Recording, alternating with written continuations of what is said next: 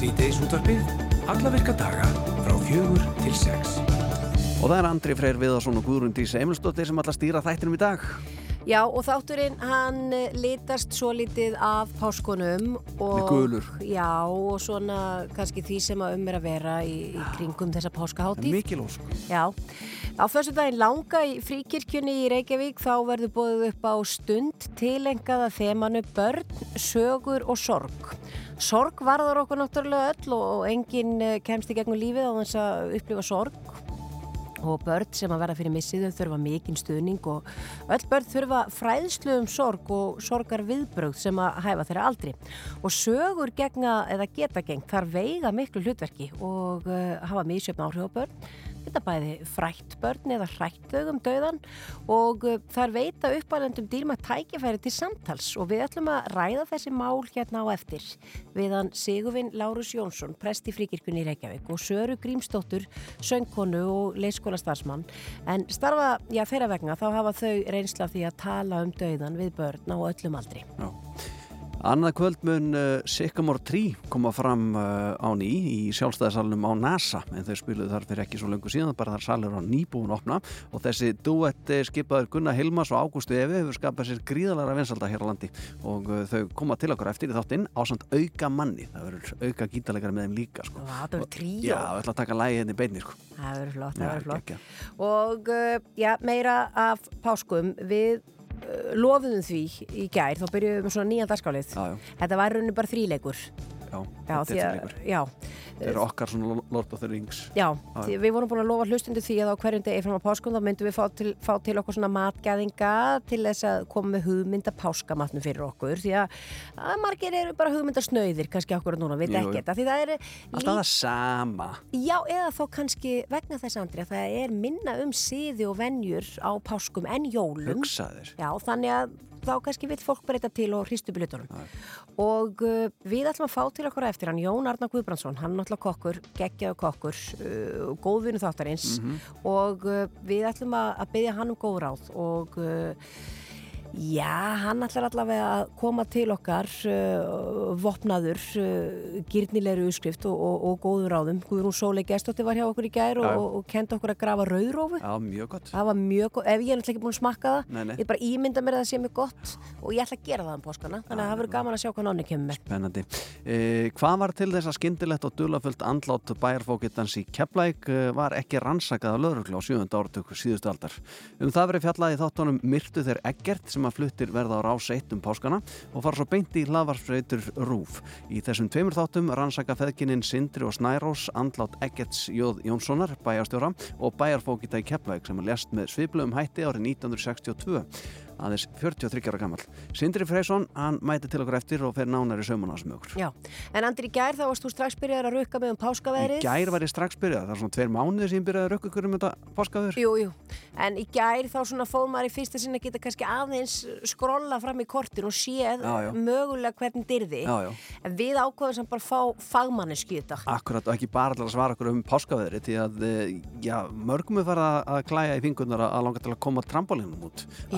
eh, já, Já. segja ykkur að taka þau inn en aldrei setja, þau út. Já, Þannig ég veit það ekki Þannig að það var eitt í stöðinni. En Elin Björk Jónasdóttir, hún er stödd á Veðurstofu Íslands og er að sjálfsögðu hér, uh, já við erum komin í samband við hana, sæl og blessuð Elín.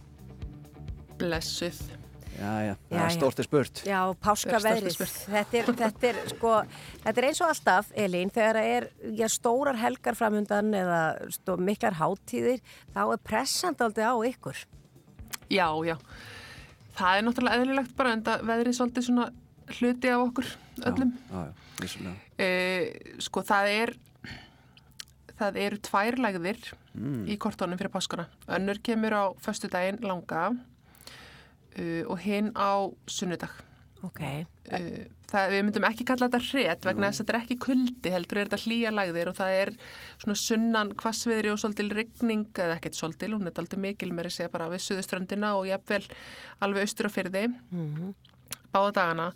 Uh, og en á vestfjörðum og norðurlandi að þá er, er sko þá þessi hlýja sunnanátt og það rignir nú sennilega eitthvað á vestfjörðum en hugsa að það væri þurft fyrir norðan.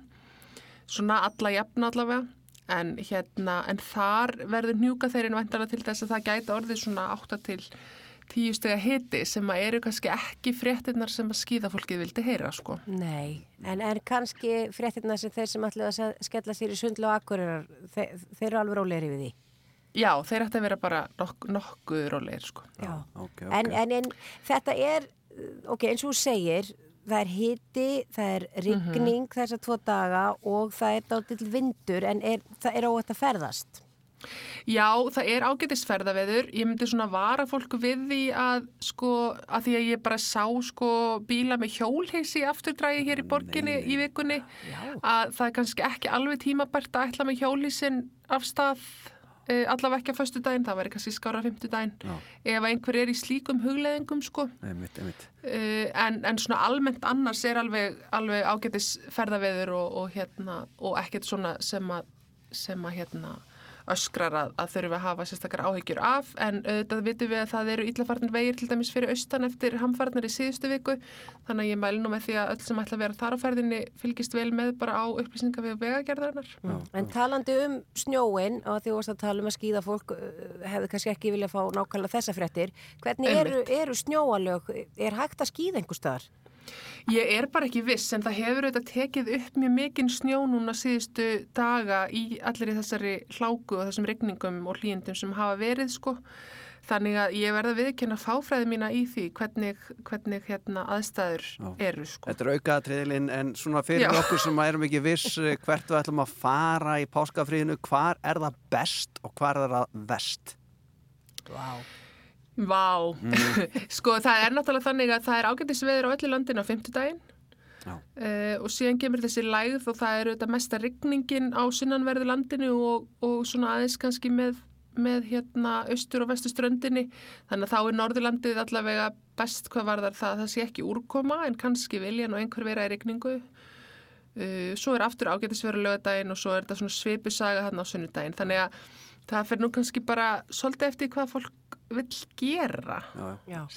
En við getum ekkert kvartaði við þessu, þetta er ekki þannig páskar þá allavega það sem að það er annarkot að flýta för eða senka Nei, og eitthvað svona. einmitt, Það er engin einmitt. ílska í veðrinu. Nei, ekki þannig. Það er svona smá kólnandi á mánudaginn en, en ágætis ferðaviður fyrir þau sem ætla að vera á ferðinni heim um, bara í hvaða landsilda sem er í raun og veru. Eh, Þannig að ég held að þetta svona hafi nú oft verið miklu verra. Já, já, já. Eh, Elín, eh, þið veðurfræðingar, eh, þið svona hafið oft bent okkur almennum borgurum á að taka inn trampolínin þegar það fyrir að kvessa og veður fyrir að vera vond og mun ekki skána í bráð. En nú spyrir við, hvenar megu við sitjað út? Já, ég hef aðeins verið að sko spá í þessu líka. Um, það eru nú þess að tværi lagðir, ég myndi allavega að býða fram yfir þær, uh, fram yfir páska. uh, og síðan svona er nú alveg rólegheit en við erum ennþá í þessum fasa þar sem að lagðirnir er að bera hlýjaloftið sko yfir Ísland og, og hrekja þar með hérna, heimskautalofti norður úr sko.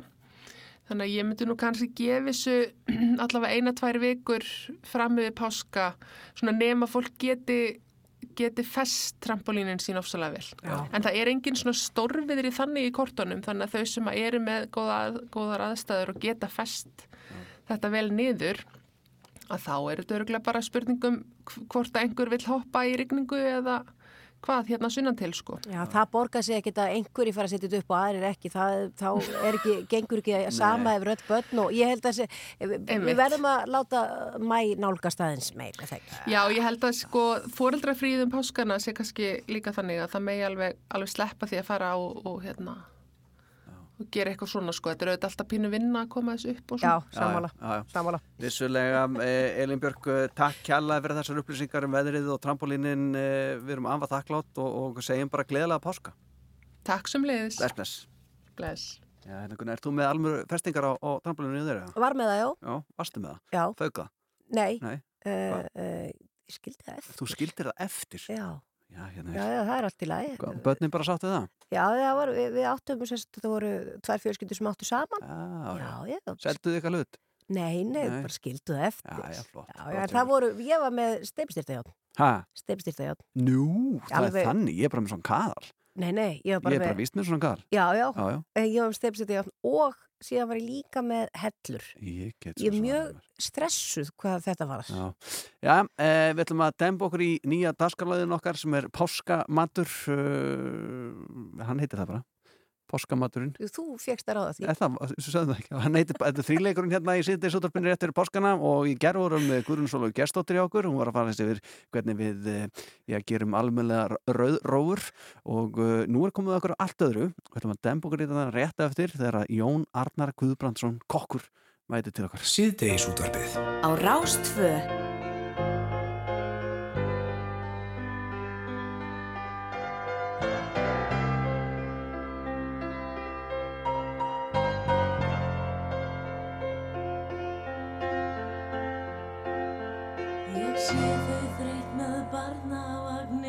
baksa heim á kvöldin.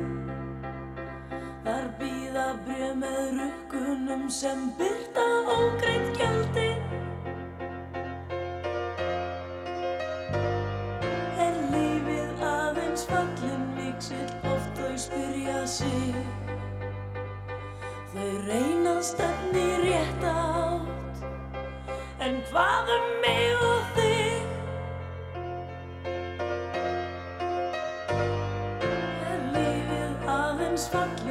Fallin viksill oft þau spyrja sig?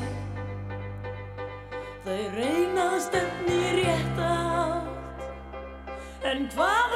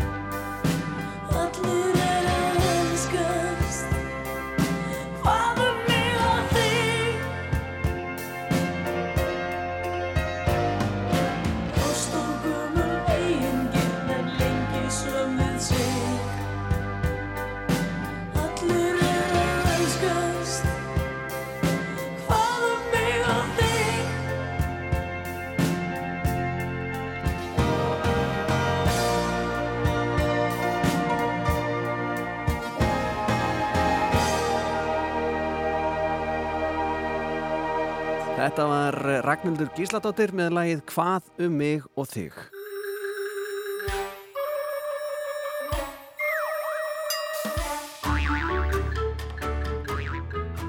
Þá er komið að þessum dagskálið okkar, Andri, sem að við, við höfum bara að langt síðan við vorum svona spennt fyrir dagskálið. Já, ég veit það. Ég veit að Það við, er bara gaman núna. Andri fór og dustaði ríki að þessu góða stefi Dustaði ríki, hérna. bjóða tilguna minn. Já, já, Það er já. og við byrjuðum á þessi gær og vorum þá aðeins að tala um ég gefa fólki hugmyndir að vegan réttum um páskana Mhm. og það var nú heldur betur vatni í munnis vengum þegar Guðrún Sóli Gestóttir var búin að kenna okkur að grafa rauðrófu og það var lakrís uh, hvað, duft Já, já. Og bara láta hugan reyka sko Já, og bara að mátti gera hvað sem er. Já, já. Og svo ákvaðum við að ringja núna í bara svona alfræði orðabók, uh, hann náttúrulega á veitingastað sem heiti Grazi Trattoria. Ég segi þetta aldrei rétt, ég meina Kristján Jóhansson myndi vera brjálaður núna, ef við myndi segja þetta hann er brálaði núna Já, örglega. Og svo er þetta líka bara maður sem hefur ekki veisluþjónustu, veitingastaði og veit einhvern veginn allt Mhm. og það er líka það sem við vildum gera. Við vildum fá svona bara hugmyndir af alls konars. Og Jón Arnar Guðbrandsson kokkur er mættur einhver til okkar, komdu sætt og blessaður. Já, sælublessið. Takk fyrir að bjóða mér. uh, og við ætlum að ræða aðeins um, já, lampið. Verðum við ekki að byrja á lampinu, Jón? Er hægt að hafa páskaháttíð án þess að setja einhver tíma lamp í potti eða pönnuði? Nei, ég held ekki. Nei, Ég held þú veist að maður hefur nú verið þess heiðis aðnáttandi að fá að elda við svegar um heiminn og hérna, en sko lamp er lang, lang, lang vinsalasti páskamatur allstæðar í heiminum. E, bandaríkin eru kannski svolítið mikið í þessu svona allavega á austuströndinu þessu svona reykta svínakjöti en annars er bara lambakjött verður að vera í matinum páskana. Mhm. Og komið svolítið óvart þegar maður fór að spá í þetta hérna fyrir mörgum, mörgum árum síðan. Búist, eru við bara með þetta lamba því að Íslandingar eru svo stoltir af sínu lambi sem er líka alveg ótrúlega gott og maður skilur það vel. En lamb er bara ótrúlega vinsaldi. Ég hérna spurði mitt mömmurna mínar nýra Grazi í gær hvað er páskamatur hjá ykkur? Og hún sendi mér matseðlinn og það var bara lamb. Og það er bara, lambið er páskamaturinn. Já. Eh, eigum við að taka hefbundið lamp er eitthvað til sem heitir hefbundið páskalamp e, ég veit það ekki ég, sko, ég, mér finnst ótrúlega gaman að elda lamp þannig að til þess að eiga bara daginn að hérna taka það bara og loka því aðeins á pönnunni, hvort sem maður er með sérstaklega tala, nú er ég að tala um lambalærið Já. Og svo setur maður það bara inn í opnin á 60 gráður og lofar því að móðast þar í svona 6 klukkutíma En þú lokar því á pönnu fyrst? Já, Ég er bara- ekki viss um að allir gerir það. Nei, þá verður að gera það svona til að loka öllum safanum inni Já, og svo bara setur það inn í opnin 60 mínútur og þá bara færðu það svona alveg bleikt 60 allur gráður, safinn- já. já. 60 gráður já.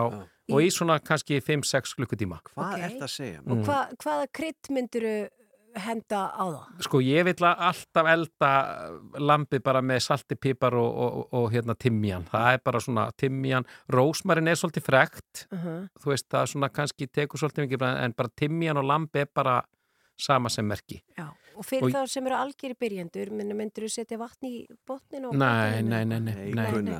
Ég, ég bara fyrir það sem eru að byrja, Nei, nei. bara lampið í pottin. Já, þú veist, en, en þetta er að því að það sem að líka kemur, sko, þarna komum við inn á það þegar maður er að, þú veist, er að, það er einhver að koma í mat og það er, þú veist, bara maður er stressaður yfir því, er ég að fara að steikja þetta á mikið, er ég að fara að steikja þetta á lítið, en þú setur bara opnin á 60 og þetta er inn í 6 klukkutíma, Mhm. Að þá bara verður kjötið bara bleikt og safaríkt og þú þarft ekki að ágjöra því. Já, það ert ekki að pæla neitt. Nei, en svo elska ég líka bara að mömmu Já, já.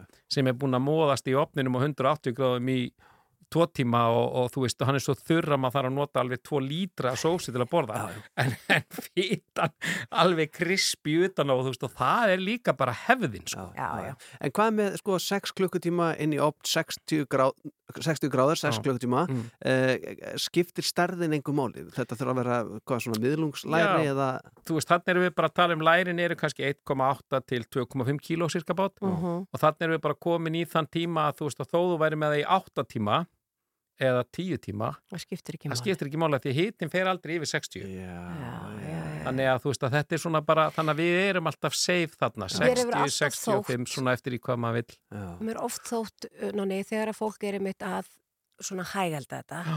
svo sé tekið panik í lokin, Mm. einhvern veginn og hugsa, þá verður fólk óarugt, eins og þú Já, segir, það er einhver að kveða mat, Já, fólk verður óarugt og fer þá einhvern veginn að fýra allt of mikið upp í opninum eða einhvern veginn. já.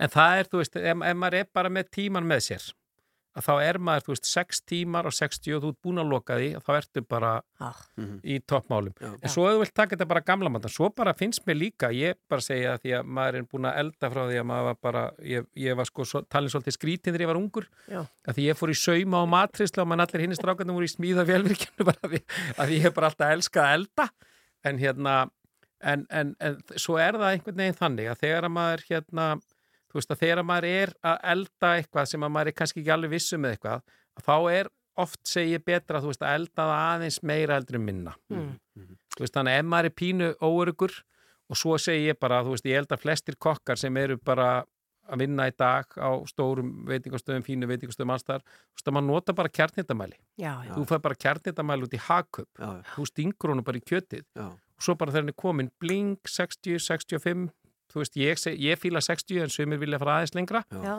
að þá bara ertu safe og hafa nota kjötitamæli því kjötitamæli er, segi ég bara það halda allir að það sé eitthvað ekki nógu cool. Mhm. við erum allir að nota kjötitamæli Nú, Já, já, þá já, veit ég já. hvað ég er að að vesla. Já, Já, þá já. er þetta alveg, þú veist, að þetta er algjör saver Já. Eh, maður á ekki að pakka þessu inn Já, Nei, enga nei, vittlisu nei, enga vitleysu. En hvað með, hvað með svona vittlisu eins og sumir sem sitta svona kvítlaugsrif inn í ég, sko, ég segi bara kvítljósrifin í lamp þú veist, það er bara ekki my cup of tea. Nei, nei, þú veist, við eigum bara, lampið okkar er bara svo ótrúlega gott. Já. og við viljum bara hafa utan á því þetta kröst og fá svona saltbragðið og smá timmian Mhm. og hérna, og smá pipar til að fá svona smá teistiða, en svo er bara lampið svo ótrúlega gott, já, svo er það bara búið að mallast þarna í einhverja 5, 6, 7 tíma og bara ég vill ekki skemma mér, ég, mér finnst það að skemma sko kvítlöku en sumir finnst kvítlöku bara svo góður að þeir vilja Já. hafa hann í öllu, já, já. þannig að það er svona líka Engi skömmi því Já. Nei, nei, engin nei, skömmi því Nei, nei. En svo ef við förum aðeins bara stuttlega í uh, já, fisk eða nöyt Já, þetta er, þetta er mjög ólíkt sem ég er að Já, tala um. já, en sko það er náttúrulega bara traditional er það sem við þekkjum bara frá bara Kristín og þessu, þú veist, það er alltaf fiskur á föstudagi langa og það er það sem að bara er hefð á mjög, í- bara á mjög og hérna elda er bara hvíti fiskur og ég segi bara, það er frábært og það var svona í raun og veru, það var eitthvað tengdist eitthvað, ég ætla ekki að fara til Kristína, tengdist eitthvað Jésu Krista þannig að það var að krossvestur og þá borða maður fiskin og svo fyrir maður í kjötið á sundeginum e, þannig að ég segi bara frábært að haldi þá tradisjónul og hafa fisk á, á föstugum fyrir það, þá sem líkar það. Og svo er það bara sama með nöyti þú veist að, að þú veist, við getum verið enda, enda, enda nauta præm, nauta ribba, nauta lund og eitthvað og notum bara kjarnitamælana þegar við erum að elda þetta. Og það er bara, þú getur bara farið inn á inn á hérna YouTube og sett bara, ok, medium, hvað hitti það? 62, 63 og svo bara notar mælin og bara en muna alltaf eitt sem við þurfum að gera þegar við erum að elda kjöt sem er bara mikilvægast af öllu og það er að kvíla kjötið. Sem þýðir það að þegar við erum búin að elda það og við segjum bara við erum með lambalæri og við viljum hafa það kannski í 62 gráður eitthvað svo leiðis að þá tökum við það út svona 20 myndum áður en við ætlum að skera það og nöyti líka og lofum kjötinu að jafna sig. 20 mínútum? Já, cirka bara 20 myndum og það bara stendur rólega bara að fara að jafna sig bara á borðinu vegna það sem gerist er það á þessum tíma að þá helst safin inni og þegar við síðan byrjum að skera það að þá lekur engin safi út. Mm. Eða út að taka þetta svona í hægaldun eða út að taka þetta af grilli eða eitthvað láttu það alltaf standa í svona 8 til 10 myndur þá sprautast safin ekki út af því þá jafnar kjöti sig á hitastíginu og svo þegar við byrjum að skera það þá kemur miklu minni safi út og við fáum að njótast þegar við borðum þetta. Já. Þetta er mjög viðændum páska Oh. því að þetta hljómar er svo sannkvæmlega pynting að vera með lampin í opninu með 6 klukkutíma að taka það svo út og láta standa í 20 mínútur. En svo er það veistla svo verður veistla Já. Alveg geggi veistla Ég held að þurfu enginn að vera hrættur allavega við það að klúðra uh, kjötinu núna. Við erum búin að fá þetta, þetta er alveg 101. heldur betur uh, Hvernig á elda þetta? ég heldur sér komið okkur uh, Jón Arnar Guðbrandsson mestarakokkur, takk hjálpa fyrir að segja okkur sannleikan um páskalambið í ár og gleðilega páska Takk fyrir þessum leiðis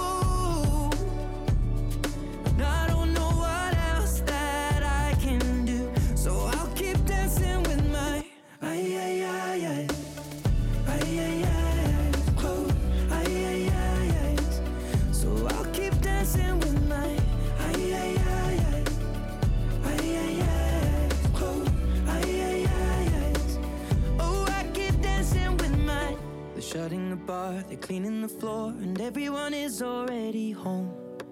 But I'm on my own. Still dancing with my eyes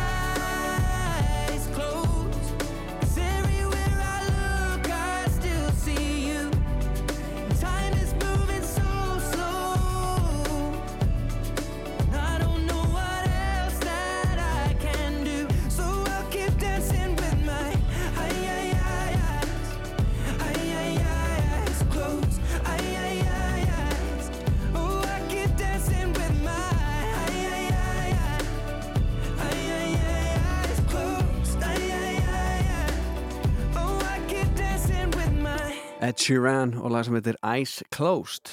En Það er nóg framöndan hjá okkur í síðdísotarpnu Við ætlum að fara að tala við Sindra Freysson um uh, þætti sem að uh, detta inn á ráseitt um páskana og fara svo yfir á hlaðvarps, hlaðvarpsveitur og uh, þetta eru þættir sem að heita, heita, heita já, myrtu þeir ekkert. Og um dulaföld mál sem að var á sjönda áratögnum Já, og svo ímislegt fleira, lifandi tónar á eftir og svo ætlum við að fara að tala líka um börn, sögur og sorg. Uh, uh, kannski ágætt að minna hlustendur okkur á það að huga að því núna fyrir páskana því að maður gerir þetta svolítið kannski fyrir jól og svo mögulega fyrir páska að tjekka á reikskinjurum og öðru hjá sér. Tala ekki um maður er að fara að setja lampin í opnið í sex klukkutíma sko, stendur enginn yfir því En það eru margi sem að, ég, það er alveg fólk sem að fer út úr húsi kannski já. meðan. Að renna okkur skýðum og komum heim bara nokkur klukkutíma setna og það var allt klárt sko. Allt klárt, já, já, svona um það já. Svo áttan eftir að gera tölverð nokkuð mörg handtök kannski áður en maturinn var komin alveg á borðið og upp í þig en, já, já, en það er svo leiðis Þannig að þetta er svona kannski eitt til þess að hafa í, í huga. Til dæmi, mér er þetta líka í hug því að að reikskinnari einn heima á mér hafi ekki bara byrjað að pípa í, er að í gerkvöldi í það var bara, hann komin á tíma um, bara um nóttina, það er bara sent í gerði Já, seint í Hvað að Það er maður? óþægileg Og tilfinning hvað gerði hann? Fór hann bara á fullt blast eða? Já, já, þeir gera það Hvað ert að segja? Þegar eru að verða batterislausir Þá bara byrja hann að æpa Já, og það er óþægild að lendi því, þannig að það er alveg eins gott að vera búin að skipta um uh, þessi batteri, hvort sem það eru kupa batteri, þessi litlu eru orðnir mis, mismunandi þessi reyskinir svona ekki eins og það var alltaf. Hvað segir? Og Já. það er bara allir rokki upp og, og, og, og hvað? Svæfa aftur og koma allir með rúmið og með veikt bat, Guðnútís Já, já, en, já, já, en svona er þetta. Já, Ég oft líka velti fyrir mér, Andri, ég, og þá einmitt fór ég að huga að því, að ef maður myndi lenda í,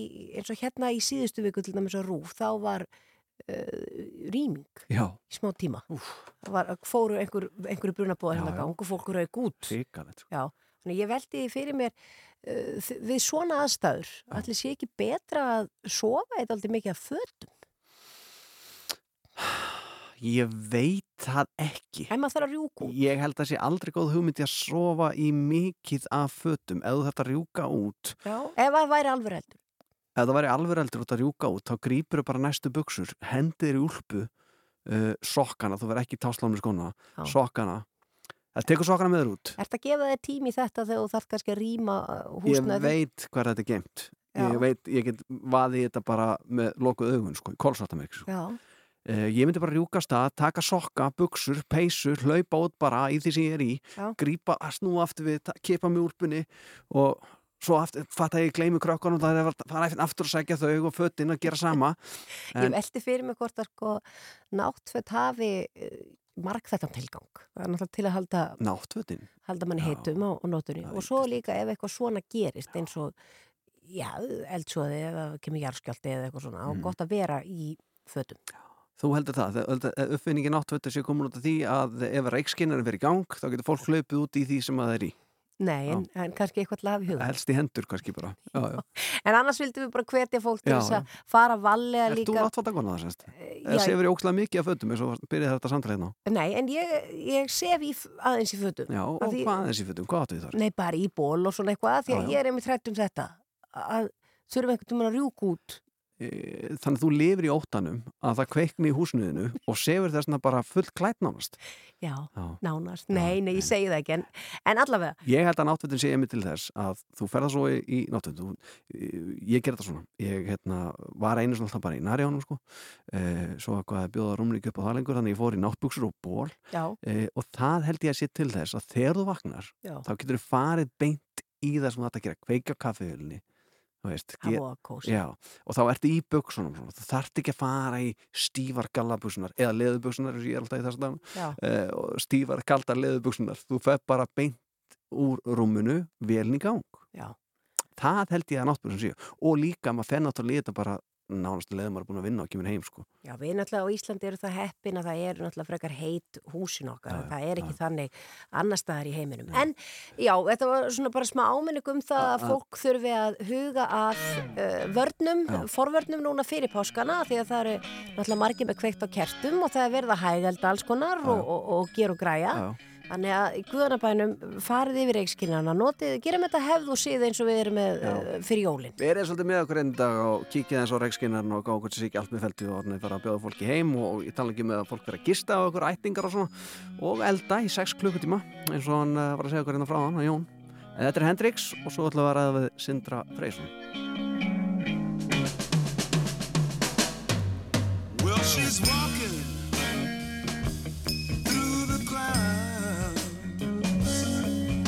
circus mind that's running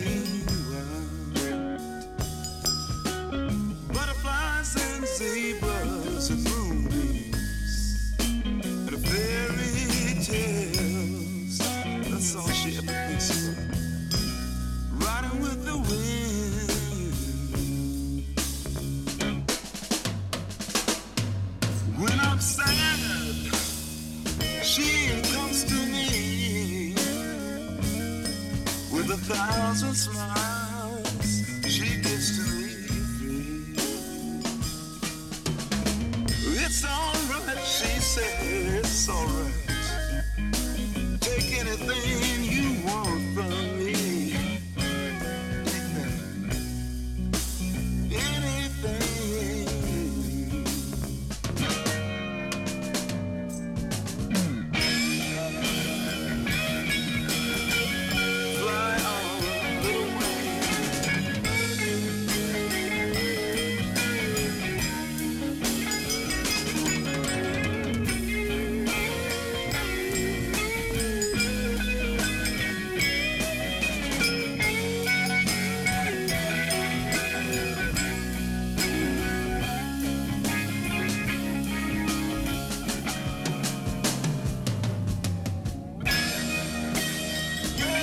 Þetta er Jimi Hendrix með eitt af sínum allra bestu lögum sem heitir Lil Wing en uh, Sindri Freysson mættu til okkar og uh, já, hann er að fara að segja okkur frá þáttum sem að hann og Snær og Sindradóttir uh, gerðu og er að fara á streymisveitur bara nú á allra næstu dögum og vera svo fluttir í, á rás 1 og þættir sem heita Myrtu þeir Eggert. Sætlublesaður og velkomin. Já, takk hérlega. Og þið, eh, Snærós, þið feðgininn, þetta er nú ekki fyrsta svona uh, sakamála uh, smáserían sem þið gerið. Nei, við náttúrulega semst, eh, höfum alltaf verið að skrifa fyrir sjónvarpn og þáttur sem kemur í haust og, og síðan er, eh, er semst, þættilum Joe Grimson, Saga Sveikum, sem kom núna í jólin og, og aldeilis slói gegn bara framar öllum vonum. Við erum Já. þar held ég í, í næstu 200 hlustunum Já. sem að raðast á þá fjóra þætti Það er svakar. og það er, já, hátt í 50.000 per, per þátt, sko. Já. Og sér alltaf eru mælingar sem eru gerðar, sko, hversu lengi fólk hlustar og, og það er komið ljósa þegar fólk byrjar. Þá held ég 95-96% fólki sem heldur áfram að klára, sko. Getur ekki hætt. Getur ekki hætt, sko. Nei. Það er náttúrulega alltaf ákveð meðmæli. Já, já. Já. Eh, sko, uh, já, Myrtu þeir Eggert, þetta er Íslands sakamál uh, Já. frá 7. áratug síðustu aldar. Uh, segðu okkur hans frá.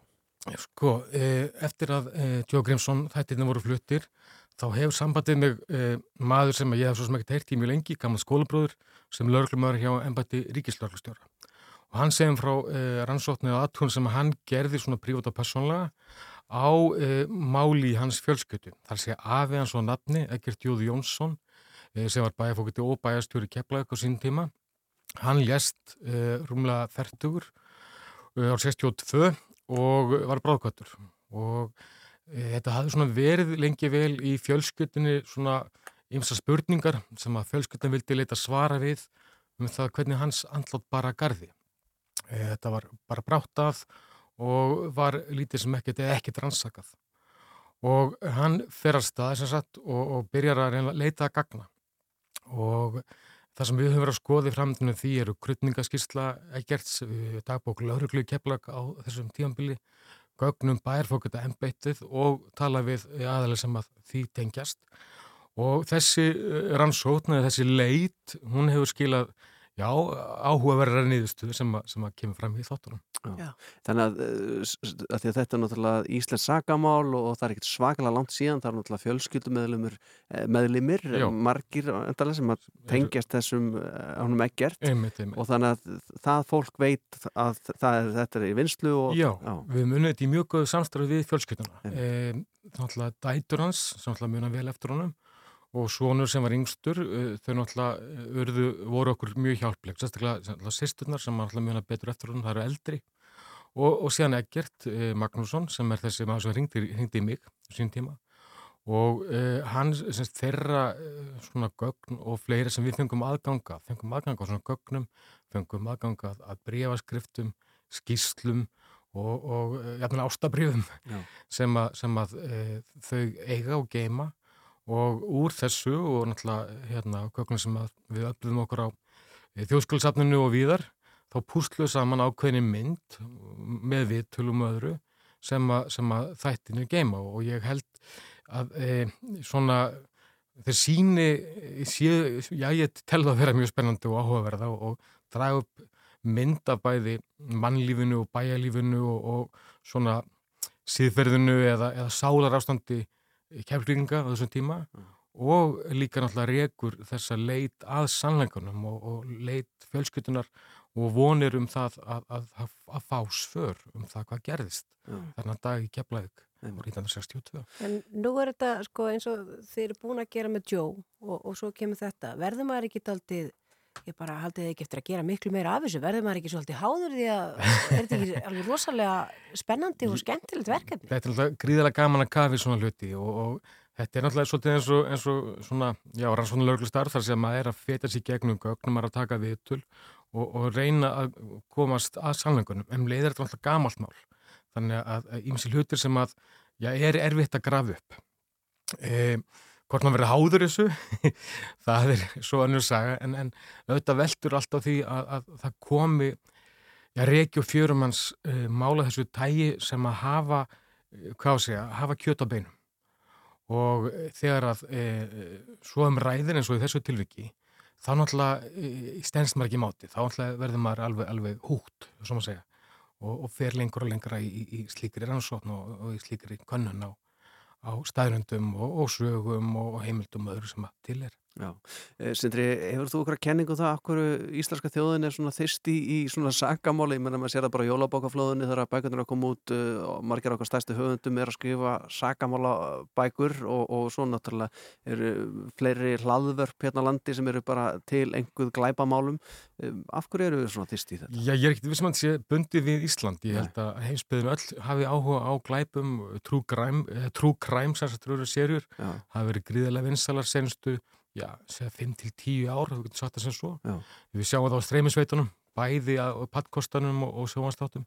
Því þetta fólk hefur einhvern áhuga á því að e, affjúpa e, svona hluti sem hafa angot verið já, réttarmorð með einhverjum hætti eða hafa verið e, óleist og ósvaraða spurningar.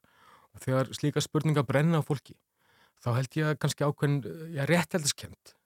Þú veist, og þörf fyrir það að, að að finna hins seka eða, eða leiða til líkta svona, já, ákveðna ráðgátur.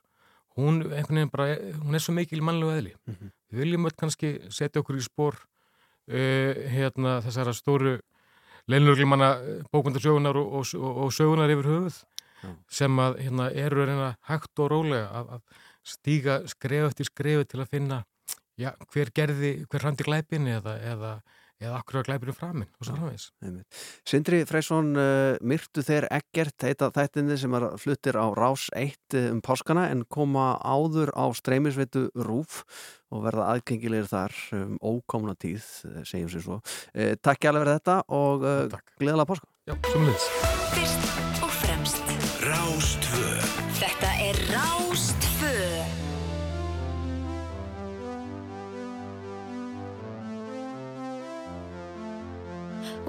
So magical, why end this way? I know you're furious, you're just like me. You got good reasons, but I do too. What really happened here? I wish I knew. It escalated so fast. We held things we can't take back. It escalated too soon. I know what they say. Know that they say that no one dies from love. Guess I'll be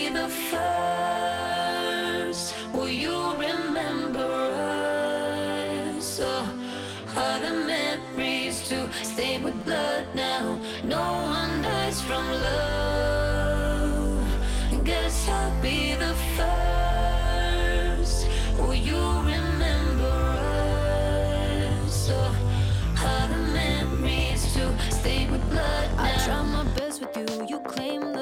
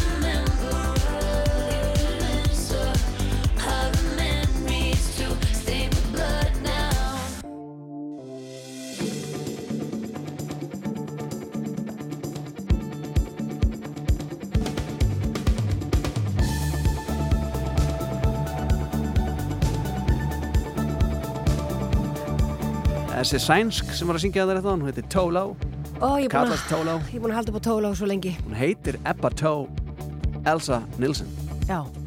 en kallast Tolo Hefur þú hlusta á plötur með henni? Nei. Hún er frábær. ég veit nokkur lög hérna sem eru spiluð það þetta er ágættis popmusík Já, það. bara mjög góð. Eitt og annað framöndir hjá okkur og talandi um ágættis popmusík á Sycamore Tree að koma til okkar eftir og ætla að spila fyrir okkur í beinni útsendingu Þau eru þrjú sem að koma til okkar. Akkurat, akkurat Stefán Magnússon gítalegari verið með þeim. Já, já, til að vika hljóðheimin, sagði Gunni Hilmars. Sagða það þannig. til að vika hljóðheimin Æ, það ljóma svo aukulega. Já, Svo ætlum við líka á eftir að eh, fara að tala um sorg og börn og sögur. Það verður haldinn stund í uh, fríkirkjunni í Reykjavík á föstudaginn langa. Til einhver þessu og uh, við ætlum að fá til okkar gott fólk hérna eftir sem að ætlar að er svona aðeins að tala um það við okkur hvernig er hægt að ræða dauðan við börn og hvernig sögur geta gagnast við það. Já, já. Fréttastofan er að fara að vaða hérna inn á okkur eftir smá stund og að segja okkur nýjustu fréttir. Ég var að rekka augun í eina nýlega hérna af hljónstinni Slayer.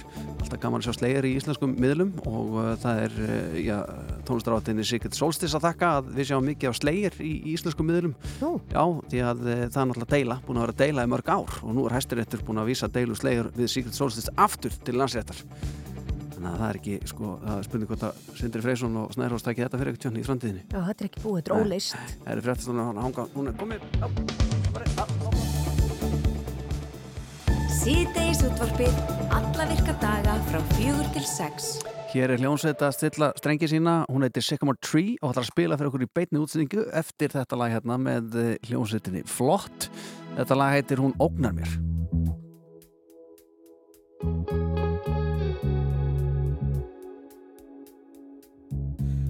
Svo sæt. Með svona heilbreyða húð sem þarf aldrei að meika.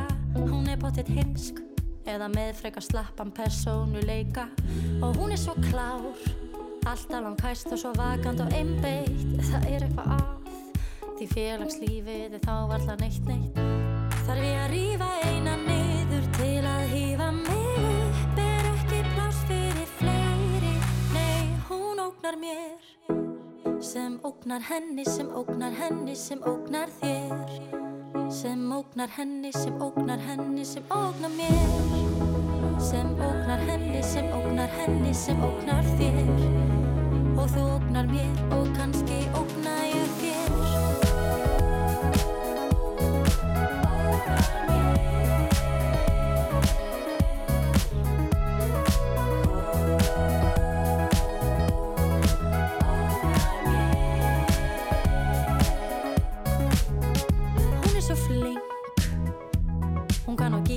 bassa sem strákarnir fíla. En ég hef nú heyrt að það sé svolítið erfitt við hana að díla. Og hún er svo snjöll Allir hlusta og hlæja þegar hún opnar munnin. En eftir tvö ár verður fræðarsól hennar eflaust úr brunnin Þar ég að rífa eina niður til að hýfa mig upp Er ekki pláss fyrir fleiri. Og til að hrífa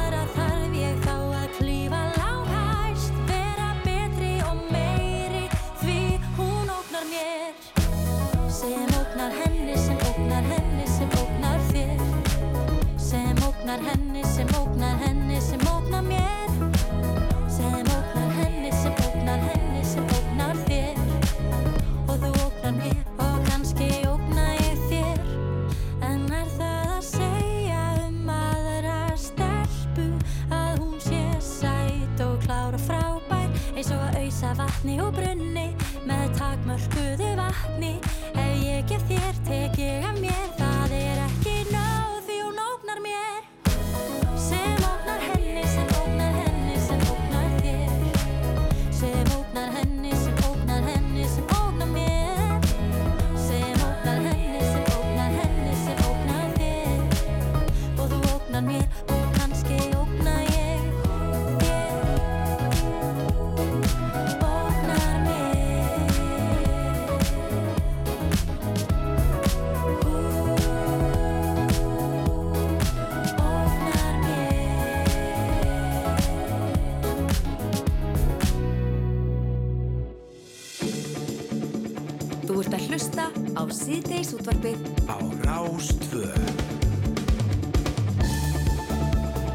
Já, og hljómsveitin Sycamore Tree er mætt til okkar sem byrjaði sem duett og er ennþá duett. Ágústa Eva og Gunni Hilmas eru aðal, eða ekki, Ágústa? Jú, það ekki. Já, þið eruð eh, band sem að... Allan að Gunni. Já, Gunni, Gunni er aðal og Ágústa með, það er ekki. En þetta er samt, sko, þegar þið komið fram á tónleikum og bara velkomin í þáttin, Gunni Takk, og Ágústa, takk, gaman að takk, sjá okkur. takk, takk, takk. Eh, Þetta er orðið svona aðeins meira batteri en það var í upphæði. Já, Já, þetta er svona síbreytilegt. já, að vera svona fá í hljómsveit að vera duett, Mm. það gefur svo rosalega tækifæri til þess að fá alls konar blöndur inn Mhm. þannig að við getum left okkur að spila 2, eða 3, eða 4, eða 15 eða 30 Það er mjög lauslátt. Já, við erum mjög lauslátt og það er ótrúlega frelsi svona út af því að með, með snilli þeirra sem að hérna, við hérna, Shanghæum til þess að spila með okkur, þá kemur alltaf svona nýr litur og alls konar sko. Nú erum við búin að klófesta þannan snilling hérna. Já, og síðan er náttúrulega sumir sem, að- sem að bara einhvern veginn bara morfast inn í, inn í bandi og steppi makkin og eitt þeirra sem að sem að við viljum helst ekki spila án sko Nei. og hann er hérna með okkur Vertu velkomin í Já. þáttinn, steppi minn? Já, þakka þið fyrir, Gunni minn og, og þið krakka mínir og... Þetta er svona, þið, þið eru eiginlega svona stopnin á þessu tré Já. Sem að er þetta sykamór tré og svo vaksa svona hinnar og þessar greinar út sko. Já, og það er ótrúlega frelsi það er svona einhvern veginn að þurfa ekki af að ringja í einhvern veginn alltaf einhverja fimm eða sex þegar þú ætlar að hendi í æfingu Já. við bara heyrumst og hittumst bara Já. þetta er, þetta er, það er mjög lítið lógistik í þessu sko. Já, talandi um það, heldur þetta auðveldi að því að úst, menna, stuðmenn, það lítur að hafa verið við stundum að, að æfa. Já, já. En ég meina, er þetta, er ákveðið aðhald í því að þið séu bara tvö eða er þið æfið síður eða æfið meira eða hvernig, að því þetta er svo auðvelt að segja, nei, heyrðu, þetta henda mér ekki kvöld, gerum þetta morgun. Er þetta bara ekkert Mm. mál, er þetta bara flæði? Já, það, sko, uh, já, við, Mhm. við erum, Gunni er aðalega í því bara að dundra niður nýri músik. Þannig að við erum bara, bara með báðar hendur fullar einhvern veginn að reyna að komast í gegnum það. Það er alltaf nýplata og nýplata og alltaf að vera að taka upp, sko, og svo hendum við saman bara í, þá, eh, sem sagt, eftir prógrami sem við erum frá að spila. Já, hvar og hvernig stemmingin er og bara hvernig okkur líður stundum sko. Já. En að- okkur er eiginlega bara þannig að það verður bara til einhver bunkar af lögum og síðan hittustu bara og vinsum í gegnum þetta. Já. Þetta verður einhvern veginn svona afkasta meira. Já, þetta er mjög skilvirt. Við mælum með duett, sko, Já. svona grunnsettup, Já, sko. já. eins og þið eru hér, sko. Jú, akkurat. Haldið þið myndir eh, þurfa- Já, svona, við erum eiginlega tríó en við Já, skiptum skiptumst dag. á og svona, já, allt, já, ok. en, en var alltaf upp, uppalega markmið að, að þetta er því band sem að myndi vera starfandi svona lengi og gefa út uh, meira en eina plötu eða hvernig? Uh, já og nei. Nei, já, Mm, þetta já. byrjar henni bara á því að ég var bara köllun til að syngja einhverja tónlist hjá Já. Ómari Guðjóns með einhverjum vini hans sem var að byrja Já. að gera músík og það var Gunni sér satt og þá held ég að vísa að við varum tríó Já, Og Það svo var ástæðan fyrir, hún sam, ástæðan fyrir hún samþýtt og kom í stúdíun að það voru Óma Guðjónsson var þar. Já, já, já. Hún Svo ég var. situr hún bara eftir með þig. svo varum við búin að taka plötuna og fara að spila og ég held djöðlar gaman að spila og maður hann ha, ég ætla ekki að vera með því já, ha, hvað meinar Þannig að þetta er allt saman byggt á miskili. Akkurat. Eh, Það er oft eh, bestu útkomnar sem eru byggðar á miskilningi. Þið er að fara að spila á NASA annarkvöld. Já. Og þetta er ekki fyrsta skiptið sem þið spilið þar. Þið spilið þar nýlega. Já, við feng, fengum að víja salin Já. fyrir einhverjum einum og hálfum tvei mánuðin síðan Mm. og þetta er stórkostlegu salur Hann er ekkert eðlilega fallegur. hann er rosalega fallegur og Mhm. það er hljóðið er svo gott og það er allt svo vel gert þarna Mhm. þetta er bara hrein unun að spila þarna þetta er bara svona eins og nýþvegi dúkkuhús. Já, þetta er nýtt þegar dúkkuhús. Alveg bara En mögnu hvert framkvæmt vegna þess smáatriði að bara þetta er Já, er algjörlega endurgjert og mér skildist á arkitektunum að það skeikar ekki sko, sentimeter á, Það er bara leis. á, á, á gamla og nýja NASA. Já. og þetta hótel náttúrulega, Ísland Parlament er bara, þetta er útrúlega flott verkefni og geggjum stað í borginni líka. En Stebbi, hvað gerð þeir, sko, rifir ekki allt niður og grófið endurbyggðu allt? Er- Já, er- hérna, mér skilst það. Það er að teki bara húsið og, og svona lifti upp og setta aðeins onni í jörðina. Var það ekki svona? Jú, var einhvern veginn þannig, síðan er þetta byggt inn í einhverja kvelvingu þannig að gestir hótelsins er þetta að hafa bara reifparti til sex á mótnana þess vegna Já, þetta er bara Og það eins heyrir og enginn á hótelinu, glerhúsi. Magnað. Já. Magnað. Já. Þetta Þetta, þetta myndi leysa rosa mikið ef þetta væri gert við alla skemmtistaði eða tónleikastaði í borginni. Þá myndi dæmis, þetta já. leysa taldi mikið nágrannerjur, veitingastaða og svo íbúa. Já, Já, það svona- setið allt onni í jörðina. Já, það er svona svo skemmtilega fréttir. Svona, Já, en náttúrulega, já, það eru fréttir sem að við flytjum. Já, já, við já svona- Þegar að eitthvað svona þessin er í gangi. En, Já, já. en, eins og, en ég held að það hefði einmitt verið hugsað bara óbáslega mikið um uh, hljóminn hann í þessum, Mm. í þessum sal. Já, ég held að þetta hafi verið svona verkfræði pælingar alveg út í eitt sko. Já. Það rosalega sér alveg sko. Já. Mhm. Ert þú verkfræðingur, Stefán? Þú... Nei, því miður, sko. Ég er svona áhuga maður um verkfræði, Já. sérstaklega hljóð, hljóðvist og hljóðhönnun, Já. hljóðverkfræði. Akkurat. Við getum tekið smá á eftir eða þú vil. Já, bara fyrir maður að gera þetta í gang svo getum haldið að ræða um Vantar eitthvað aðstof heima kannski? Já, Það já, ég get komið heim til fólks og sett upp svona dúka og... Já, akkurat, þannig að þú skýlur auðlýsingarna sem er heyra stundin að kemur bergmálar á þínu heimili Já, já, já. sem enginn tengi við Beintengi við það, sko. Já, já, einmitt. dekk til. Já, já, verðið ein að koma fram á NASA annað kvöld sem þetta verður eitthvað að spila á undan Nei, við verðum bara þrjú hérna. Já. Já, við ætlum bara að hafa bara svona huggulegt kvöld, Mhm. bara svona, Já, við vorum á valentínsdaginn síðast að spila já, og þá vorum við með svoleiðis svona feeling og vorum að spila svona óskalög úr sal Mm. sem voru svolítið svona romantíst og við ætlum að halda því svolítið áfram núna Já. á morgun Mhm. svona, já Já. Uh, hvað ætlaði að spila fyrir ykkur núna? já, það er nefnilega ætlum að aðeins að koma. Hvað? Þó við eigum mikið bunga efni, þá ætlum við ekki að spila lag eftir okkur. Jú. Nei, þetta er Þið eru alltaf að skellur. spila hérna, hvort þið er Já, ok, ok, tökulag Já, það er nefnilega eitt, það er nefnilega eitt tökulag sem að, sem að hérna, slættist inn á prógramið þarna á valentínsdaginn og við eiginlega urðum bara ástfangin af þessu lægi, sko. Og lægi tengist nefnilega pingulitið, sko, eins og þegar elsti sonu minn fættist fyrir 27 árum, bara í fyrradag, að þá um leið og hann fættist, þá skein sólinn inn um gluggan og þetta lag byrjaði í útarpinu. Vá. Já, svona í alvöru tala, sko. Ég er spenntur, ég er spenntur. Ertu ekki, Ég er það. með ólíkindi? Já, ég er það, ég segi bara Sigum og Trí, uh, gjörið þið svo vel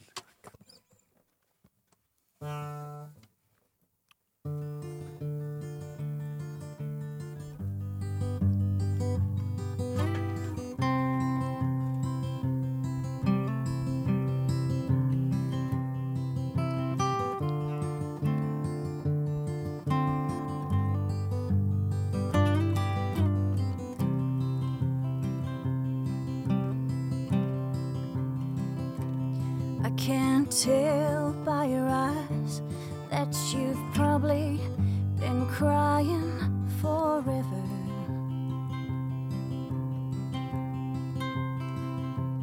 And the stars in the sky don't mean nothing to you, they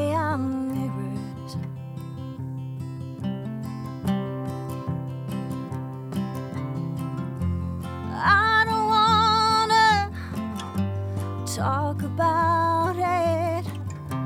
How you broke my heart. If I stay here just a little bit longer, if I stay here, won't you listen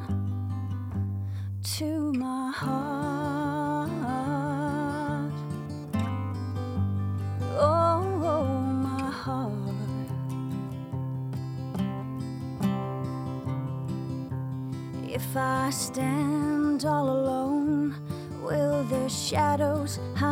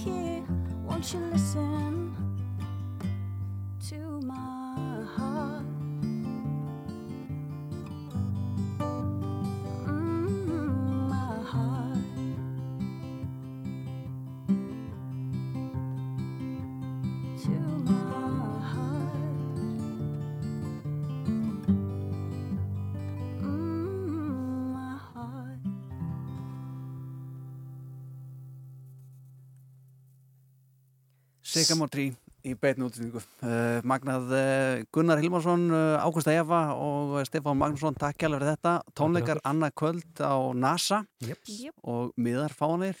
Já, það er eitthvað eftir tix.is Takk fyrir þetta og gleðilega páska. Takk fyrir okkur, sömulegis. Þú ert að hlusta Á síðdeis útvarpið á Rástvö.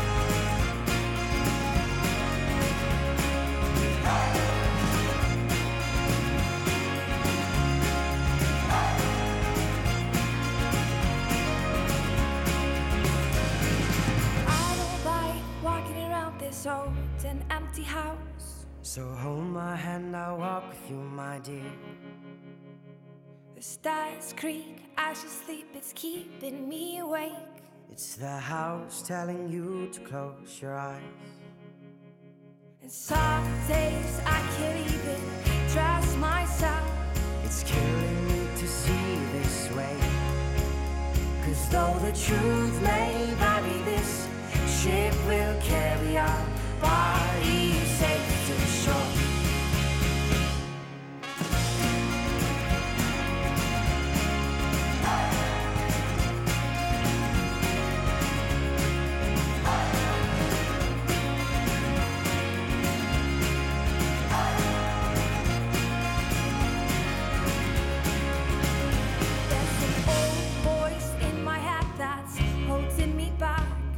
Well, tell her that I miss our little talks. Soon it will be over and buried with our past. We used to play outside when we were young and full of life and full of love. Some days I don't know if I am wrong or right. Your mind is playing tricks on me, my dear. Cause though the truth may vary, this ship will carry our bodies lonely.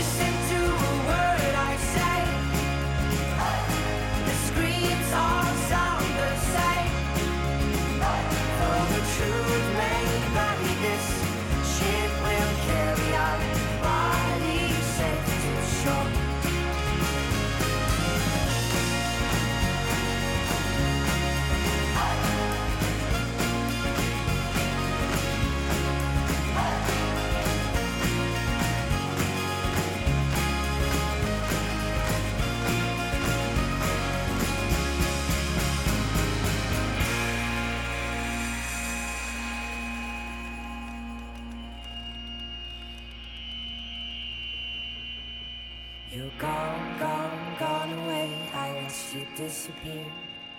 All that's left is a ghost of you. Now we're torn, torn, torn apart. There's nothing we can do. Just let me go and meet again soon. Now wait, wait, wait for me.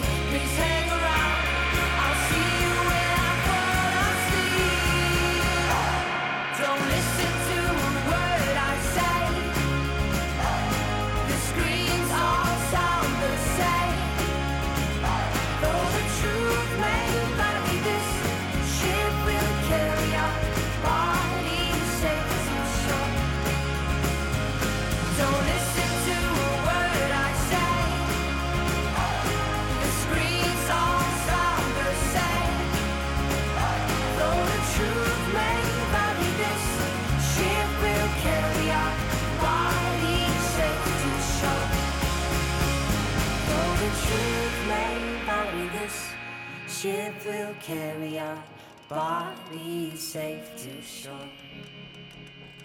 Though the truth may vary, this ship will carry our bodies safe to shore.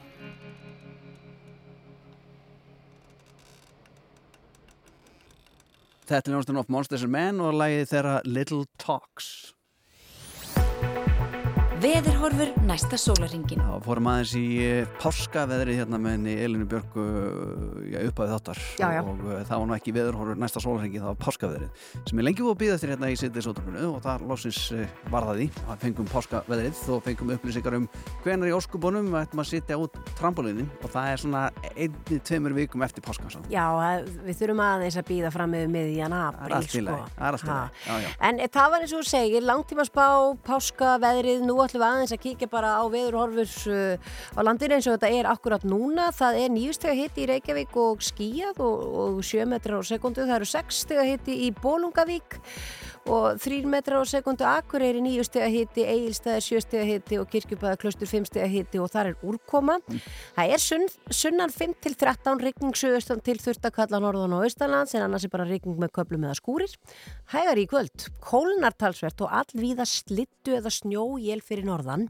Það er nú góða fréttir kannski fyrir þá sem er að hugsa um að reyna að komast á skýði.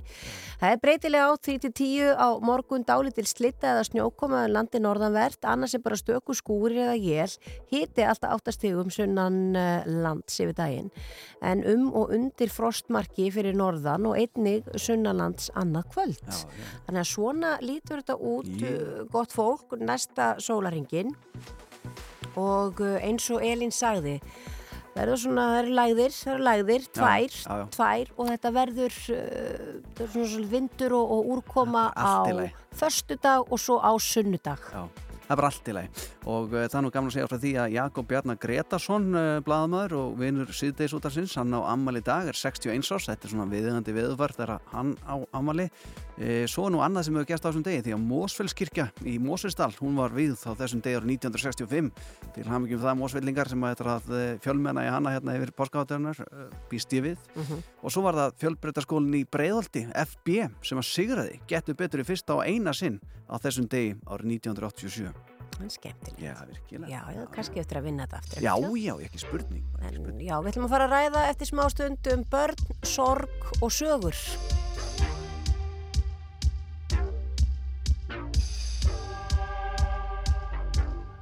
Pardonnez-leur, ils ne savent pas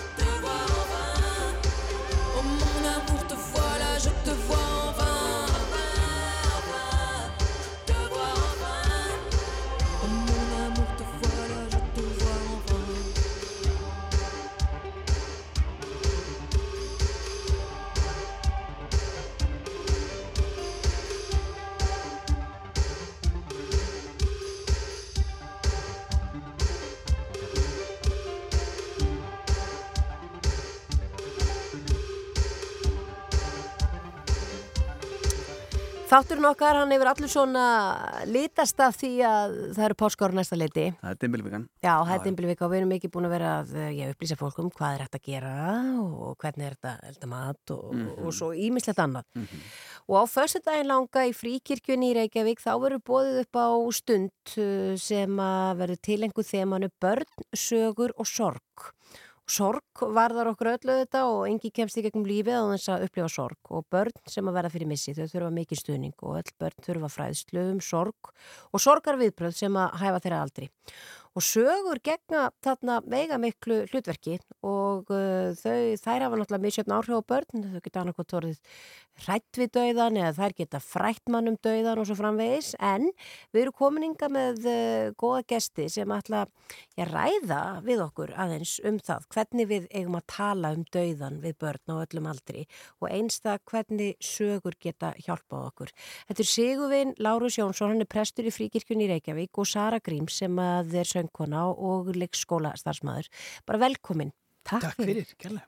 Uh, Sara, þú uh, starfar á leikskóla. Já, Og- ég er svo heppin að vera á Urðarhóli í Kópói Já. í svona tímavinnu og sem er alveg frábært, frábær vinnustæður og að vera með börnum og starfa með börnum á þessum ótrúlega skrýtnu tímum þegar að vanta svona mikið starffólk er algjör gjöf og svo er nefnilega ég í annar vinnu að ég er söngkona og syng mikið í jarðafærir og það að saman að þetta tvent er daldu undarlegt stundum en þegar ég stundum fæ þessar spurningar frá börnunum ætlar að koma og leika með okkur eftir háti og ég segi nei, ég þarf að syngja í jarðaför að þá fæ ég einmitt spurningar um dauðan Já, og hvernig, hvernig uh, útskýri maður dauðan og já, bara reynlega hvað jarðaför er fyrir barni á leikskóla aldri? Það er nefnilega gæti maður, uh, já, maður gæti orðið svolítið á því messinu þar en uh, fyrir mig þá er það yfirleitt bara að reyna að útskýra þetta eins einfalt eins og hægt er. Það fólk gera hverja og við viljum senda það í burtu með þökkum og gleði og söng og fallegum orðum og mjög oft spurja þau hva, hvernig gerist það og maður segir þau, þau eru sett, líka minni settur í kistu og stundum fær maður að sjá ofan í kistuna, stundum ekki og stundum fá börn að koma með og stundum ekki og stundum vilja mamma og pappi tala um þetta og stundum ekki. Sumir gráta en aðrir ekki og börn skilja það alveg. En það er hins vegar getur orðið erfiðara þegar maður fær bat sem að jáfnvel segir ég hrættu myrkrið. Af því að þá ertu komin aðeins lengra inn í hvað gerist eftir döðan. Já. Þannig að það að útskýra jarðaför er ekkert mál í rauninni og þau virðast alveg skilja það.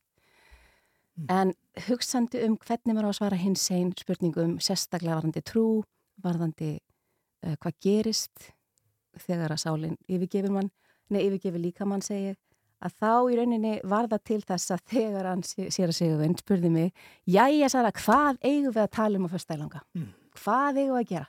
Já. Þá einmitt sko bara, hérna, þá vantaði mig svolítið svona upplýsingar og ég spyr hann sem fróðari mann, hvað myndið þú segja? Hvernig myndið þú segja bönnum Mm. frá þessu? Og þess vegna byrjaði þetta allt saman. Já. Og Sigurvin, hvernig myndir þú segja börnum frá þessu? Já, sko, stundin er ætlað að opna umræðuna að við þurfum að, að tala við börn uh, um uh, uh, allt sem við kemur lífinu og dauðin er hluta því. Um, og þess vegna er þessi yfirskrift börn, sögur og sorg að sko hvernig sess maður niður og, og undirbýr barn undir lífið? Eh, er það eins og í amerískum bíómyndum með kynlífssamtalið? Nú ætlum við að eiga þetta eina stóra samtal um bíflugur og blóminn sko. Eh, nei, eh, maður grýpur tækifæri eh, þegar að færi gefst. Og helst sko eh, áður en að eh, eh, áfall á sér stað. Og þar gegna nefnilega sögur svo mikilvægu hlutverki þegar að þú átt gæðastund með barninu þínu og horfir á Bamba sem við þekkjum öll að, að hafa tárast yfir eða Simba og hans örlögum að grípa tækifærið og eiga þessi smá samtöl um það að dauðin er hluta lífinu og börn eru forvitin, vilja vita um allt sem snýra lífinu og, og skilabóðin sem við þurfum að veita börnunum okkar er það e, þér er óhætt að e, leita til mín sem uppalandi e, með hvaða spurningu sem að, að brennur á þér. Og síðan er það þannig að í, í mínu starfi sko, að, að þá uh, erum við að vinna með börnum sem eru að upplifa missi. E, og, og þá er það þannig að, að það eru svona ákveðin grundvallar, e, ákveðin grundvallar reglur sem að, að gilda í því. E, það er að e, e, segja fljótt og satt frá því sem gerst hefur, að tala af e, reynskilni og opinskátt við börn og, og gefa þeim upplýsingar sem að hæfa sínum aldri og svara öllum spurningum sem að uppkoma reynskilið, segja börnum alltaf satt en að sjálfsögðu gætilega. Já, en þessi stund þarna sem þið ætlaði að vera með á fyrstu daginn langa Já. og þið eru að einmitt, tengja sögurnar inn í þetta. Já. Er þetta til dæmis til þess að gefa okkur uppaldum svona smá hugmyndur um hvað við gætum verið að lesa eða Já. svona til að opna á umræðuna við börnun okkar? Nákvæmlega. Þess vegna erum við einmitt mjög heppin að hafa með okkur frábæran höfund, vatnabóka höfund. Já, já. E, sko það er þannig Hrund Þórsdóttir er með okkur og hún skrifaði veluna barnabók sem heitir Lovorðið. Mm. Kemur út og fær barnabóka, íslensku barnabókavelunin 2007 e, og Lovorði fjallar um 11 ára stelpur sem eru nánarvinkunur og önnu þeirra er veik og deyr. Um, og bókin uh, er sem sagt annars vegar sko spennandi frásög sem að hrífur börn, hún er aðgengilega á storytel, ég er ekki á prósendu hjá þeim. E, e, e, sko þetta lofvorð er söguþráðurinn sem er skemmtilegur og hrífandi en hins vegar opnar hún á mikilvæga spurningar til þess að ræða við börn um, um bæði dauðan og lífið og kannski mikilvægast af öllu sorgarferðlið af því að sko Um, við erum sem uppalendur með ólíkar hugmyndir um lífið eftir dauðan og, og, hérna, og það getur verið viðkvæmt en það sem að, Hrundtórsdóttir gerir og góðir barnabókarið töfundar gera er það að hún lýsir með hreinskiptum hætti því ferli sem að, að við upplifum þegar við verðum fyrir áfalli og það eru bara svo gaglegar upplýsingar fyrir sko, okkur sem manneskjur og fyrir uppalendur til þess að miðla börnarum. Já. Mm. Er rándamanni ef maður segir við uh, barnið sitt að uh, þegar maður svona einhvern veginn að reyna að dempa þetta að segja, já sumir segja og svo bara endur það þess maður aftur sem eitthvað annað, jafnvel sem bara kissa eða um, eitthvað dýr eða bara manneski eða blóm eða hvað sem er sko, fagmentum presta snýst fyrst og fremst um það að gera ekki ógagn við, við fáum svona Er þetta ógagn? Nei, nei það vil ég ekki segja en, en, en sagt, það eru ákveðinu hlutir sem að, að, að, að fólki hættir til að segja sem að gera meira ógagn en gagn. Mm -hmm. Ég skal bara gefa praktisk dæmi. Ef þú segir við barn sem er á þeim aldri að það er ekki alveg búið að ná tökum á uh, uh, því að dauðin sé endanlegur og þú segir við slíkt barn sko hann eða hún er sopnaður eða sopnuð eða hann eða hún er farin í ferðalag þá skiljum við sem fullorinn eru að hér er sko átt við myndmál sem að byggir á uh, vonum einhvers konar uh, handan veruleika mm -hmm. uh, en, en barn gæti rugglast í rýmunu. Já og bara ímynda sér að hann viðkomandi myndi vakna aftur eða koma aftur úr ferðalæginu. Akkurat og börn og ákveðnum aldrei hafa einmitt miklu þörf til þess að spurja þessara svona praktísku spurninga sem geta verið óþægilegar fyrir fullarið fólk sem að stendur í þeim spórum til dæmis í kistulagningu sko. E, ef þú segir við barn viðkomandi er sopnaður þá, þá að sjálfsögðu uh, hugsar barnið e, þá munan vakna eða hún vakna mm -hmm. e, og, og, og síðan eru sko síðan eru þessi svona hluti sem við segjum sem að hann eða hún er komin á betri stað. E, e, e, það er tilgangum öllu sem gerist sem eru hlutir sem að, að kannski hljóma e, fallega þegar maður stendur ekki í þessum spórum en geta raunverulega meitt. Mm. þegar hins vegar kemur að sko e, trúni að þá er kannski mikilvægast fyrir fullarann einstakling sem er að tala við börnin sínum döðan að að, að segja reyns, sko, reynskipti frá því sem að viðkomandi trúi sko. Eh, ég á þá reynslu að vera alveg upp af föður sem að e, e, hann var ekki trúlaus en hann trúði ekki á líf eftir dauðan e, en, en það var mikil sátt og mikil ró yfir þeirri heimsmynd sem að hann hafði og það sko það stuðaði mig ekki á neittnátt ég upplýði það sem huggandi þegar ég er barn og er forvitin um dauðan sjálfur á ég þessa von og við erum öll sko einhver staðar á einhverju bili En, en það er líka svo mikilvægt að viðkynna fyrir börnum, sko, ég veit ekki. ég veit ekki, eh, ég hef ekki svörin við öllu. Nei. Já. Um, Hvenar uh, eigum við að mæta með börnin okkar í, í fríkirkjun og föstudaginn langa og, og, og fá meira af, af svona? Vi, við byrjum klukkan 5 og, og þetta er sko notaleg stund sem að er fyrst og fremst kvartning Já. til þess að, að tala við börnin um þetta mikilvæga málefni og við ætlum að veita uh, uppalendum verkfæri til þess að gera það. Já. Sigurvin, eh, víst að við erum með prest hérna í hljóður í okkur. eh, Hvað er dimbilvika? Ég, ég stuttasvarið er, er, er vika millir pálmásunnudags og páska. er þetta bara dimbilvika? Þetta er e, e, kyrruvika sem er e, tíminn þegar við íhugum píslasöguna og, og hérna og, og nú hef ég, sko, nú er ég nýkomin heim ellendis frá þar sem að ég var að kenna við Guðfræðildi í háskólarum í Munster e, og, og meirhluti minni nefnda voru kennaranemar sem voru að læra Guðfræði til þess að geta kent kristinfræði og trúabræðfræði skólum. Um, og sko bara í síðustu viku var ég að skilin engun fyrir uh, BR-ritgerð nefandi sem að skrifaði ritgerð um það hvernig að kennarar geta nota píslasöguna til þess að opna á samtal um dauðan og, og sorg um, og, og hérna uh, píslasagan er þessi stórsaga sem við erum að íhuga í kirkjum uh, landsins þessa vikuna um, og, og þess vegna passar þetta þema uh, fullkomlega inn á fullfastænlanga Já. Það eru orðað sönnu. Sara Gríms, söngkona og leikskóla starfsmæður. Þú ætlar að, að vera þarna á, á... Já, ég er nefnilega svo heppin að starfa við að syngja líka Já. í messum í þessari frábæri kirkju. Já, þannig að þú verður þarna alveg. Já, já, við munum töfra fram ykkur að ljúfa, ljúfa og fallega tóna, söngkópunum við tjörnina og ljómsveitin Mandra sem, að eru, sem er húsljómsveit kirkjunar. og Sara Gríms syngur einsöng. Já, Þannig að þetta verður notalig stund. Við hvetjum sér flesta til þess að mæta. Sigurvin Lára Sjónsson, prestur í fríkirkjunni og Sara Gríms, leikskólastarfsmaður og söngkona. Bara gleðilega páska og gangt þér á föstudaginn. Takk. Gleðilega páska. So slowly, time goes by. So slowly, time goes by. So slowly,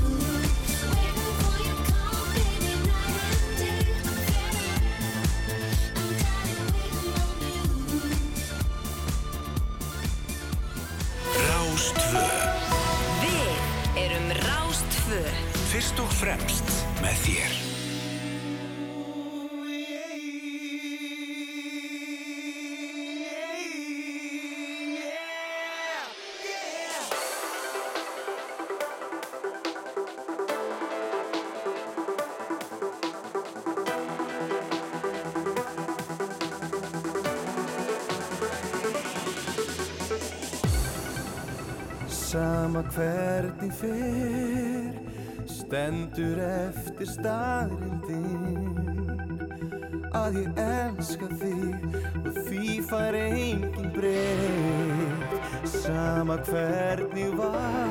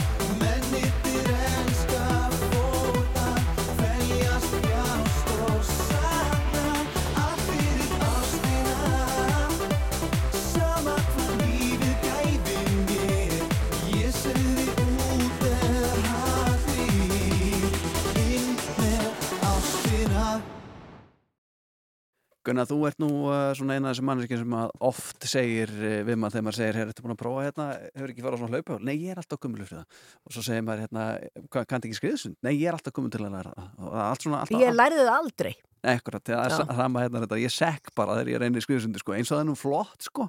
Já. Þegar maður er ekki alveg að tignalegur þegar maður er á bringunni, sko. Einhvern veginn eins og selurinn með hausinu upp. Andri, ég held að við eigum að bæði sameigilegt að við erum ekkit rosalega sterkir sundmenn. Nei, hefur þú prófað flugsund? Myndi ekki einu sinni láta mig detta í hug. Tróða, ma- tróðið mara það? Já, það get ég. Já, lengi. Já, já, maður getur það nú alveg tölverð tíma. Já. Ma, maður, manni var dæmt út í djúpu og, svo er maður að gera það. Ég var alltaf að ímynda mér ef ég myndi einhvern tíma að vera út á sjó, Já. þetta að tróða. Ég man nefnilega, þetta er svona, uh, svona lifir í minningunni þegar maður var með bekknum sínum í, í djúbulauginni og allir á bara sama staðanum og hausarnir upp, allir á tróða marfaðan, sko. Já. En Björgunsund, kanntu það? Já, já, Já. en þú voru átt á einu, ég er úr sveit, Já. þannig að við fórum í sveitalaug, náttúrulega það var reyndar, er bara ein uh, laug á Vopnafjörðu upp í, í, í Selordal Já. og sveitakrakkarnir fóru allir saman á sundarskeið, Mm. alveg frá bara 6 ára upp í 16 ára, þannig að við vorum ansi breytt aldurspil onni í lauginni og ef að, maður náði ekki einhverjum sundtökustaks, ég held ég ekki verið hún synd almennilega fyrir 12 ára. Er það já? Já.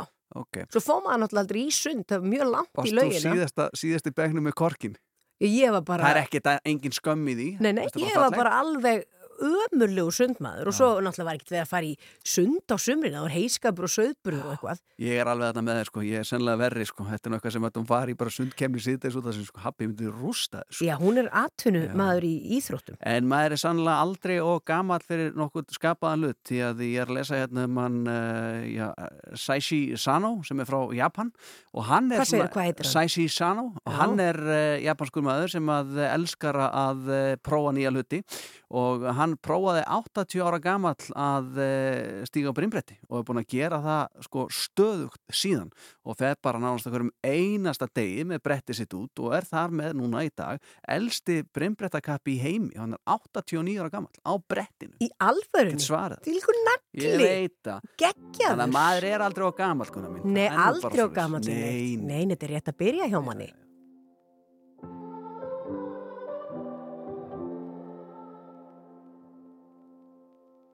A broken heart is all that's left. I'm still fixing all the cracks. Lost a couple of pieces when I carried it, carried it, carried it home. I'm afraid of all I am. My mind feels like a fog.